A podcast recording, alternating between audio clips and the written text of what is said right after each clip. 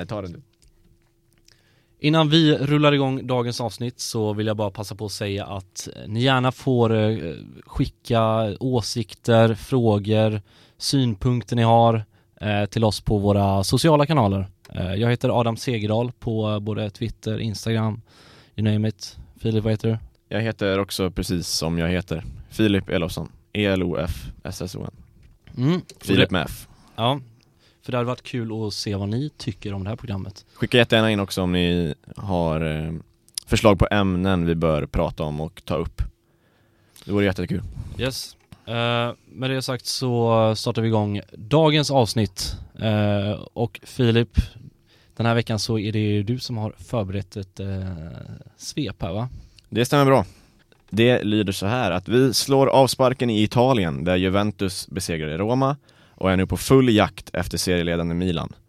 Men där svarade Milan och Zlatan Ibrahimovic fort genom att köra över Crotone med 4-0 efter två mål från svensken. I skytteligatoppen av Serie A visar Cristiano Ronaldo och Zlatan att gammal är äldst och ligger etta och tvåa med 16 respektive 14 mål. Imponerande. I Spanien har vi inte mycket att hämta, förutom att Atletico Madrid trummar på i täten. Fick förvisso bara oavgjort mot Celta Vigo i helgen, men Suarez fortsätter att göra mål och man har ändå ett fast grepp om toppplaceringen. För Barcelona satt segern mot Real Betis hårt inne, men som så många gånger förut stod lagkapten Lionel Messi i centrum när han blev inbytt efter ungefär en timme och vände matchen på egen hand till seger 2-3. Manchester City drygade ut serieledningen efter att man kört över Liverpool på Anfield. Men det var väl kanske inte så svårt när Alison Becker spelade för City och Alexander Arnold såg ut som en utställd kona på planen. Liverpool ser tröttare ut än på länge och, är nu, och nu är det väl bara Manchester United som har en realistisk chans att ge City en kamp om titeln. I övrigt hade vi en väldigt bra svensk helg med två mål från Isak, två mål från Zlatan och ett kul en Kulusevski som fortsätter att vara en viktig kugge i Andrea Pirlos Juventus. Yes, jag tänker vi kanske ska börja där med eh, eh den här svenskhelgen som eh, gick förvånansvärt bra. Eh, kan, man, kan man ens säga förvånansvärt längre? Ja, jag vet inte, men det är alltid kul när det, är, när det är två spelare som gör två mål vardera och eh, även Kulusevski hade ju ett fint inhopp eh, där han lyckades, ja det blev ju ett självmål till slut i Juventus 2-0 mål där men det var ju han som låg bakom förarbetet. Jävlar vilken nyttig spelare han är. Eller mm. så här, skön spelare att ha i ett lag. Han gör, river och sliter, gör jobbet defensivt, nyttig offensivt. Ja, Den, det ser tänk, bra ut. tänker speciellt för Pirlo så måste det vara skönt att ha en spelare som man kan placera på i princip vilken position som helst och han går ändå in och gör det bra gång efter gång. Eh, frågan är egentligen om han får någon direkt start. Man kanske inte riktigt, kanske är svårt att sätta honom på en exakt position när han är så pass svepande som han är och det, jag tror att det kan vara ganska skönt för Pirlo att ha en sån spelare på bänken som, som man kan slänga in lite där det behövs om Jo, precis, men han är också en sån spelartyp så eh, oavsett om han startar eller kastar in han Framförallt om han blir inbytt skulle jag säga, så blir det alltid en injektion. Det blir fart när Kulusevski kommer in. Oavsett position eller oavsett vad han får för taktiskt uppdrag så blir det alltid fart liksom. Mm. Det händer grejer när Kulusevski är på plan. Mm. Uh, och en annan svensk i Serie A, det var ju Zlatan som uh, stod för två baljer. Milan nu som, uh, om två veckor så är det ju dags för Derby de Milano mellan Inter och Milan. Och det var ju länge sedan som det derbyt var så här spännande som det kommer vara om två veckor. Verkligen, nu är det ju Juventus smyger ju med men annars kan man ju börja prata om att det är en scudetto som står på spel mm. mellan, eh, mellan Milan-lagen, Milano-lagen. Jo. jo, för i vanliga fall så brukar ju ändå Juventus nästan ha säkrat ligan vid det här lagret. Eh, men eh, nu känns det ganska öppet och jag tror att båda de här lagen ser nog det här som seriefinalen för att ta hem den här scudetton. Jo, och visst att Juventus har börjat växla upp nu, men känslan är ju ändå att det här också är seriefinalen. Juve Sen vet man ju aldrig med Juventus, det är långt kvar. Men jag tycker att Milan och Inter är ju för tillfället de två bästa lagen i Serie A. Mm. Så att det, det är absolut, man har absolut fog för att diskutera det här som en seriefinal. Ja, och det är väl ingen som räknar bort Juventus fullständigt, men eh, Nej men det ska bli, det ska bli otroligt spännande att se vad, eh, vilka det är som tar hem den matchen. Verkligen. För jag tror att det kan nog eh, sätta, ja men någon slags, eh, det sätter ju ett lag i förarsätet i alla fall. Absolut. Om vi eh, flyttar oss till eh, England. Du pratade om matchen mellan eh, City-Liverpool där Alisson Becker hade en ganska tuff, tuff kväll. Katastrofkvällen. Mm.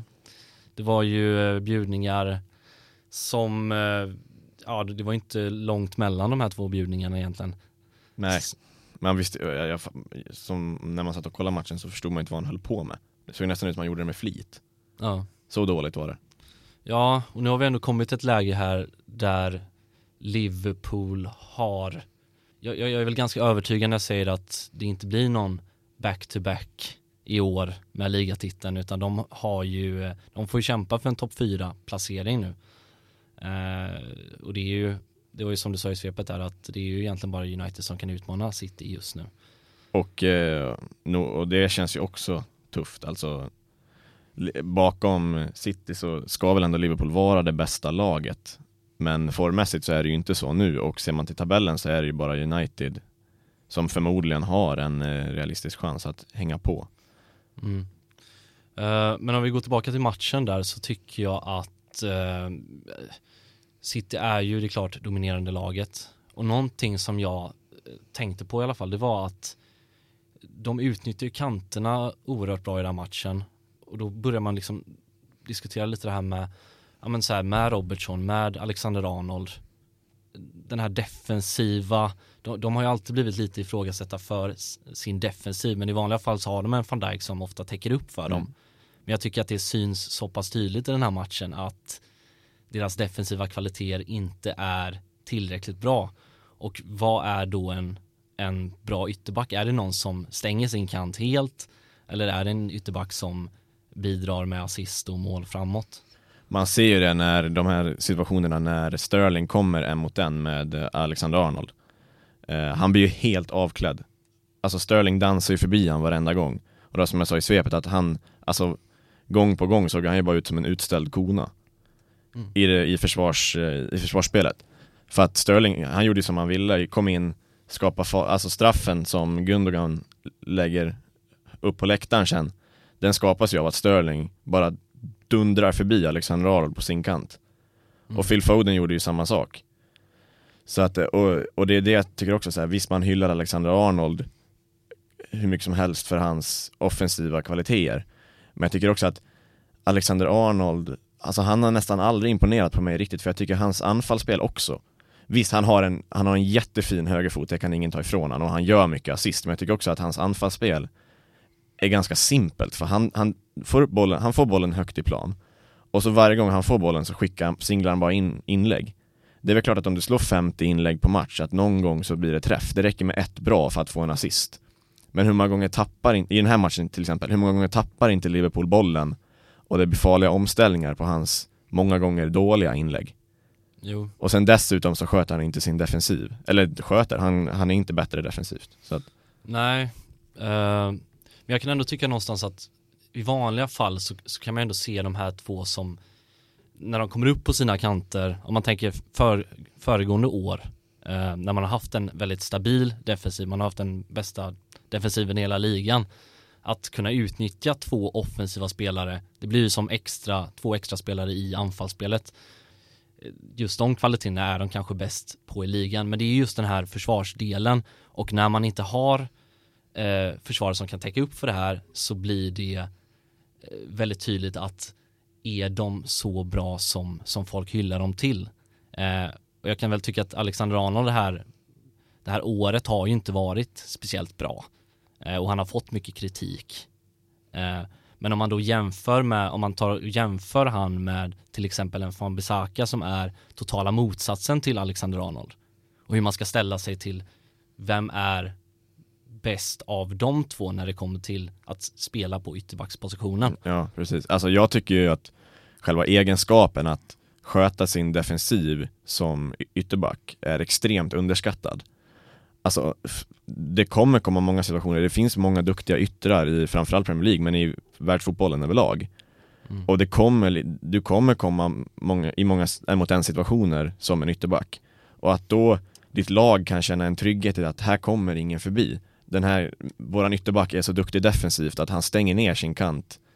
Och det finns få som kan, till exempel Aron Wan-Bissaka, det finns ytterst få, och ens någon, som kan liksom ta han en mot en i, i, när han spelar defensivt liksom. Mm. Och det tycker jag att, alltså den egenskapen som ytterback borde prioriteras mer. Att ha en kille som, som sätter sin defensiv i varje situation. Ja, för man, man pratar ju ofta den, om den mer moderna ytterbacken. Det är ju den som är mer offensiv och de ytterbackar som, som faktiskt hyllas eh, det är ju sådana spelare som till exempel Jordi Alba då som springer upp på kanten och skapar sina lägen därifrån. Eh, och att man har kanske gått in lite väl mycket på det här i den moderna fotbollen att ytterbackarna ska följa med upp i anfallet, ska vara en bidragande faktor framåt, men att det kanske har blivit lite till överdrift att den här, om man tänker den gamla fotbollen, den här liksom, det ska inte vara den här raka linjen som man hade på liksom, den brittiska fotbollen under 80-talet, men, men att någonstans så är det ju ändå en, det är en försvarsposition. Eh, jo, precis, och jag tycker det, alltså det är i många fall, alltså åt båda håll kan det vara faktorer som avgör matcher. Att ha en ytterback som är duktig offensivt, som spelar inspel, slår inlägg, det kan, det kan bidra till många mål på en säsong. Men också om du vänder på det åt andra hållet, så kan du, om du har en ytterback som inte är duktig defensivt och blir bortgjord flera gånger, då kan ju det också bidra till att du släpper in mycket mål. Mm. Så jag menar visst, skillnaden på van Bissaka och en Trent Alexander-Arnold kanske är att Trent bidrar till mer mål framåt men han kanske också bidrar till att man släpper in lika många mål som han producerar framåt. Mm. Om du förstår vad jag menar, att, att det kan liksom jämna ut sig på det, på det sättet istället. Jo, och nu är det ju så att, eh, jag var inne på det lite tidigare, att eh, mittbacksfrågan i Liverpool är, den är ju, eh, vad ska man säga, det, Henderson och Fabinho kanske inte ska spela på de här positionerna. Nu har man gjort två värvningar. Eh, en Osen Kabak från eh, Schalke. Eh, även en Ben Davis från eh, Preston i Championship. Och att man kanske borde, eh, som Liverpool nu då, chansa lite med de här nyförvärven. Försöka få in dem så fort som möjligt i det här mittbackslåset. Så att man kan flytta upp Fabinho och Henderson. I alla fall åtminstone en av dem så att de kan ge lite mer utrymme till en Vinaldum eller en uh, Thiago som uh, Thiago såg blek ut mot City. Alltså, jag tycker han har sett blek ut, men det kanske har att göra med vilka han spelar med på det där mittfältet. Ja, för jag tror att det känns som att Liverpool är ganska obalanserade som lag att de behöver få in det här som de hade då förra året med någon slags ankare som, som fångar upp lite av den här, den här ytan som, eh, som de här offensiva innermittfältarna inte riktigt tar. Mm. Eh, så jag tror att det kan vara nödvändigt att försöka chansa lite nu när man ändå ligger så pass många poäng bakom eh, toppen. Precis, och jag, jag såg det också i samband med den här matchen, om vi stannar kvar lite vid den, att många börjar prata om att det här var stunden då, då tronskiftet skedde liksom, nu är City bäst igen mm. och sådana här saker. Och, och jag liksom, jag, jag, jag köper inte riktigt den diskussionen att det är Liverpool som har dominerat Premier League under lång tid nu och att det är de som har varit på tronen. För att visst, förra året så dominerade de ligan och sprang iväg med ligatiteln ganska tidigt. Men förra året var det också en fullträff till säsong. Mm. Alltså det är inte så att City var dåliga förra året. Eller att Liverpool var så mycket bättre som de var. Nej. För att det, City har egentligen inte gjort jättemycket värvningar och sådana här som, saker som, som har liksom gjort dem till ett bra lag och inte Liverpool heller utan det är ganska lika och skadeläget är inte, skiljer sig inte jättemycket. Visst, van Dijk är borta men City har å andra sidan knappt haft en forward på hela säsongen. Agüero har varit borta hela, nu är De Bruyne borta och ändå trummar man på.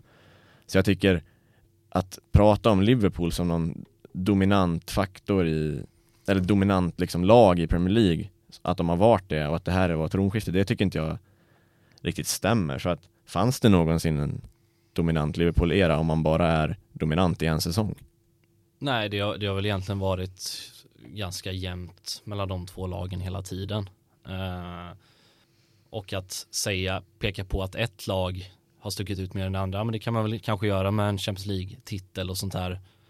Men jag tror, jag tror att det grundar sig ganska mycket i vad man ställer upp för, för lag på plan och de har inte haft sina ordinarie elver något av lagen det här, det här året Eh, och det kanske har satt en viss prägel på hur säsongerna för de här två klubbarna har blivit.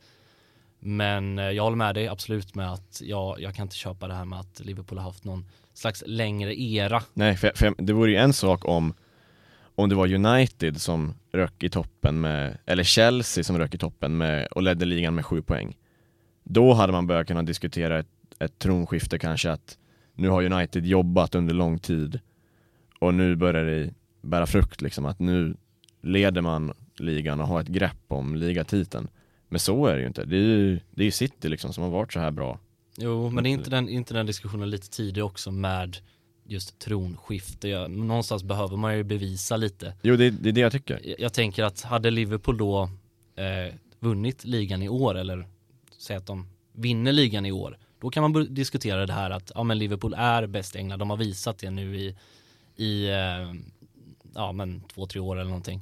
Att vi är det bästa laget och det här tronskiftet och det här är vår liksom, tid nu. Det är nu vi ska, vi ska vara laget att slå. Eh, så någonstans behöver man väl bevisa sig lite som, som det bästa laget innan man kan eh, börja snacka för mycket. Jo exakt, för jag tycker inte det räcker liksom med, med att, vara, att man har tagit en ligatitel och en Champions League-titel. För jag, visst, det är imponerande, men Atletico Madrid gick också till två Champions League-finaler på tre säsonger när man låg trea, fyra i La Liga. Att vinna en Champions League-titel och dominera en liga i flera år, det tycker jag är två, två helt olika saker och, och en ligatitel räcker inte för att prata om någon dominant era, tycker jag. Nej, vi, eh, vi släpper eh, City och Liverpool-matchen. Eh, det har ju varit lite snack i England också om lite olika VAR-situationer den här helgen och även förra helgen. Och man börjar bli ganska trött på, på det pratet, men det är också aktuellt för jag tycker att många av de här incidenterna, nu tänker jag dels på eh, Thomas eh, Zuzek Hans eh, armbåge på William José, det är löjligt rött kort. Patetiskt. Ja, verkligen. Eh, vi hade en incident förra helgen med David Luiz som jag minns situationen men jag vet inte vem det var som han eh, fällde där. Men det var ju också någon, någon liksom, när man har VAR till hands och det är ju knappt någon kontakt överhuvudtaget att det ska behöva bli liksom ett rött kort på det. det är... Nej och domaren också får, liksom själv går och tittar på situationen och står i flera minuter och liksom djupgående får titta på vad det är som händer. Mm. Och ändå kommer fram till, ja ah, men det där är rött kort. Ja. Och så var det även en incident med Southampton United också. Ja, jo, United får ju straffen där i slutet av matchen och Bednarek blir utvisad. Och det är också efter att efter att var rummet, var domaren till att börja med, får sitta i flera minuter och kolla på situationen men meddelar, men Mike Dean, domaren då, vill ändå ta beslut eller han tar ändå beslut att gå ut och titta på situationen själv mm. Står själv också i flera minuter och kollar på situationen och kommer fram till att jo men det är straff och det är rött kort mm. Och då har ändå han gjort sin bedömning, men sen efter matchen så lämnar ju Southampton in en protest mot det här kortet och får omedelbart igenom den och då undrar man ju vad det är som är, är fel liksom, om det då är domaren i matchen som, som liksom tar ett så enormt felbeslut trots att han har fått titta med hjälp av VAR. Eller om det bara råder jättestora oenigheter i domarkåren om vad som, om situationer i sig, vilket det inte borde göra. Nej, för det är väl det någonstans man blir lite orolig över att det är ju också det här pratet med att det är ju ingen som riktigt vet hur den här regelboken fungerar. Men att de inte kan hitta någon slags enig lösning när det tar så pass lång tid i matcherna och det är ju helt upp till huvuddomaren då att bedöma, ja men, ja men jag tycker väl att det här var ett rött kort då eller vad det nu var. Så blir ju det, det blir ju ganska liksom problematiskt för, ja men, ja men som i den här matchen då när, när det här röda kortet då tas bort. När de har titt, de överklagar, de tar bort det röda kortet och man, man, man blir lite så här vem är det egentligen som, som bestämmer i matcherna egentligen? Vem, Ja, vem är det som tar besluten? Jo, men, och framförallt, vem är det som har koll på vad som är rätt och vad som är fel? Om han får stå och titta på det här hur länge som helst och, och kommer fram till att det är rött men sen det enda som behövs för att någon annan ska anse att det, någon annan ska anse att det inte är rött Är att de lämnar in en överklagan och den går omedelbart igenom Mm. Ja, Mike Dean har ju varit lite i blåsväder nu och eh, några andra som det diskuteras om det är ju också Chelsea som har tre raka nu. Eh, Tuchel har kommit in och eh, satt sin prägel på laget. Det var lite det vi var inne på förra veckan också att jag tror att man kommer få se en ett slags skifte nu i Chelsea. Man kommer få se ett Chelsea som spelar en klart bättre fotboll än eh, det är nyförvärv som börjar komma in lite mer i Chelsea-tröjan och eh, jag, tr- jag tror att eh, så här, det är väl alltid någon, någon slags, det blir alltid någon skillnad när det kommer in en ny tränare. Det är lite ny energi till laget och sånt där. Men jag tror att eh, Tuchel är rätt man för jobbet. Och eh, det känns också nästan lite snopet för Frank Lampard kan jag tänka mig den här situationen också. Att han, eh, han sitter nog någonstans och är lite, eh, jag ska inte säga avundsjuk eller irriterad eller så, men han, Han vrider lite på sig. Det, det tror jag faktiskt för att han eh, borde kanske ha fått ut mer av det här laget under sin tid. Det, det, det tycker jag verkligen. Ja, det är en bra trupp. Jättebra trupp, de har gjort många nya fina värvningar. Och jag tycker Tuchel har Han har ju laborerat lite med det här laget och spelat ganska annorlunda mot vad Lampard gjorde Som vi var inne på, men eh, han har ju satt en bra defensiv Och de gör mål framåt Så att eh, än så länge tycker jag inte det finns något att klaga på Nej, och jag tror faktiskt att det här var det bästa som kunde hända för Chelsea just för den här utvecklingen att de kanske inte ska vara det bästa laget i år. De kanske inte ska vara det bästa laget nästa år. Men de, de bygger ju för framtiden. Ja. Så ja, Chelsea får man hålla ögonen på. Om vi eh, går över till Spanien lite. Eh, vi pratade lite om Isak förut. En annan som eh, hade en ganska betydande roll. Det var ju Lionel Messi som, som kom in och dunkade dit en kvittering var det va? Ja, efter två minuter på plan var han och så smällde det Ja, och det är också det här att det, det syns så tydligt på Barcelona när han sätter sin fot på planen. Att helt plötsligt så börjar liksom Jordi Alba börjar ropa och löpa liksom på sin kant och det blir en helt annan rörelse. Det är som att ja, nu är Messi inne, nu måste vi börja springa lite. Jag tycker det är en imponerande sak som idrottsman att ha, att kunna höja ett lag bara med sin närvaro. Alltså även om Messi har en dålig match så syns det ju på spelarna runt om han hur de höjs av att bara ha han i sin närhet på planen. Och jag tycker det liksom finns bara få exempel på sådana idrottsmän genom historien du har liksom en Michael Jordan i NBA, du har en Tom Brady i NFL, en Messi i fotbollen. Att det behövs bara att de är med, att de spelar, så höjer sig hela laget. Och det, att, att Messi har den förmågan, det tyckte jag syntes extremt tydligt mot Betis i helgen.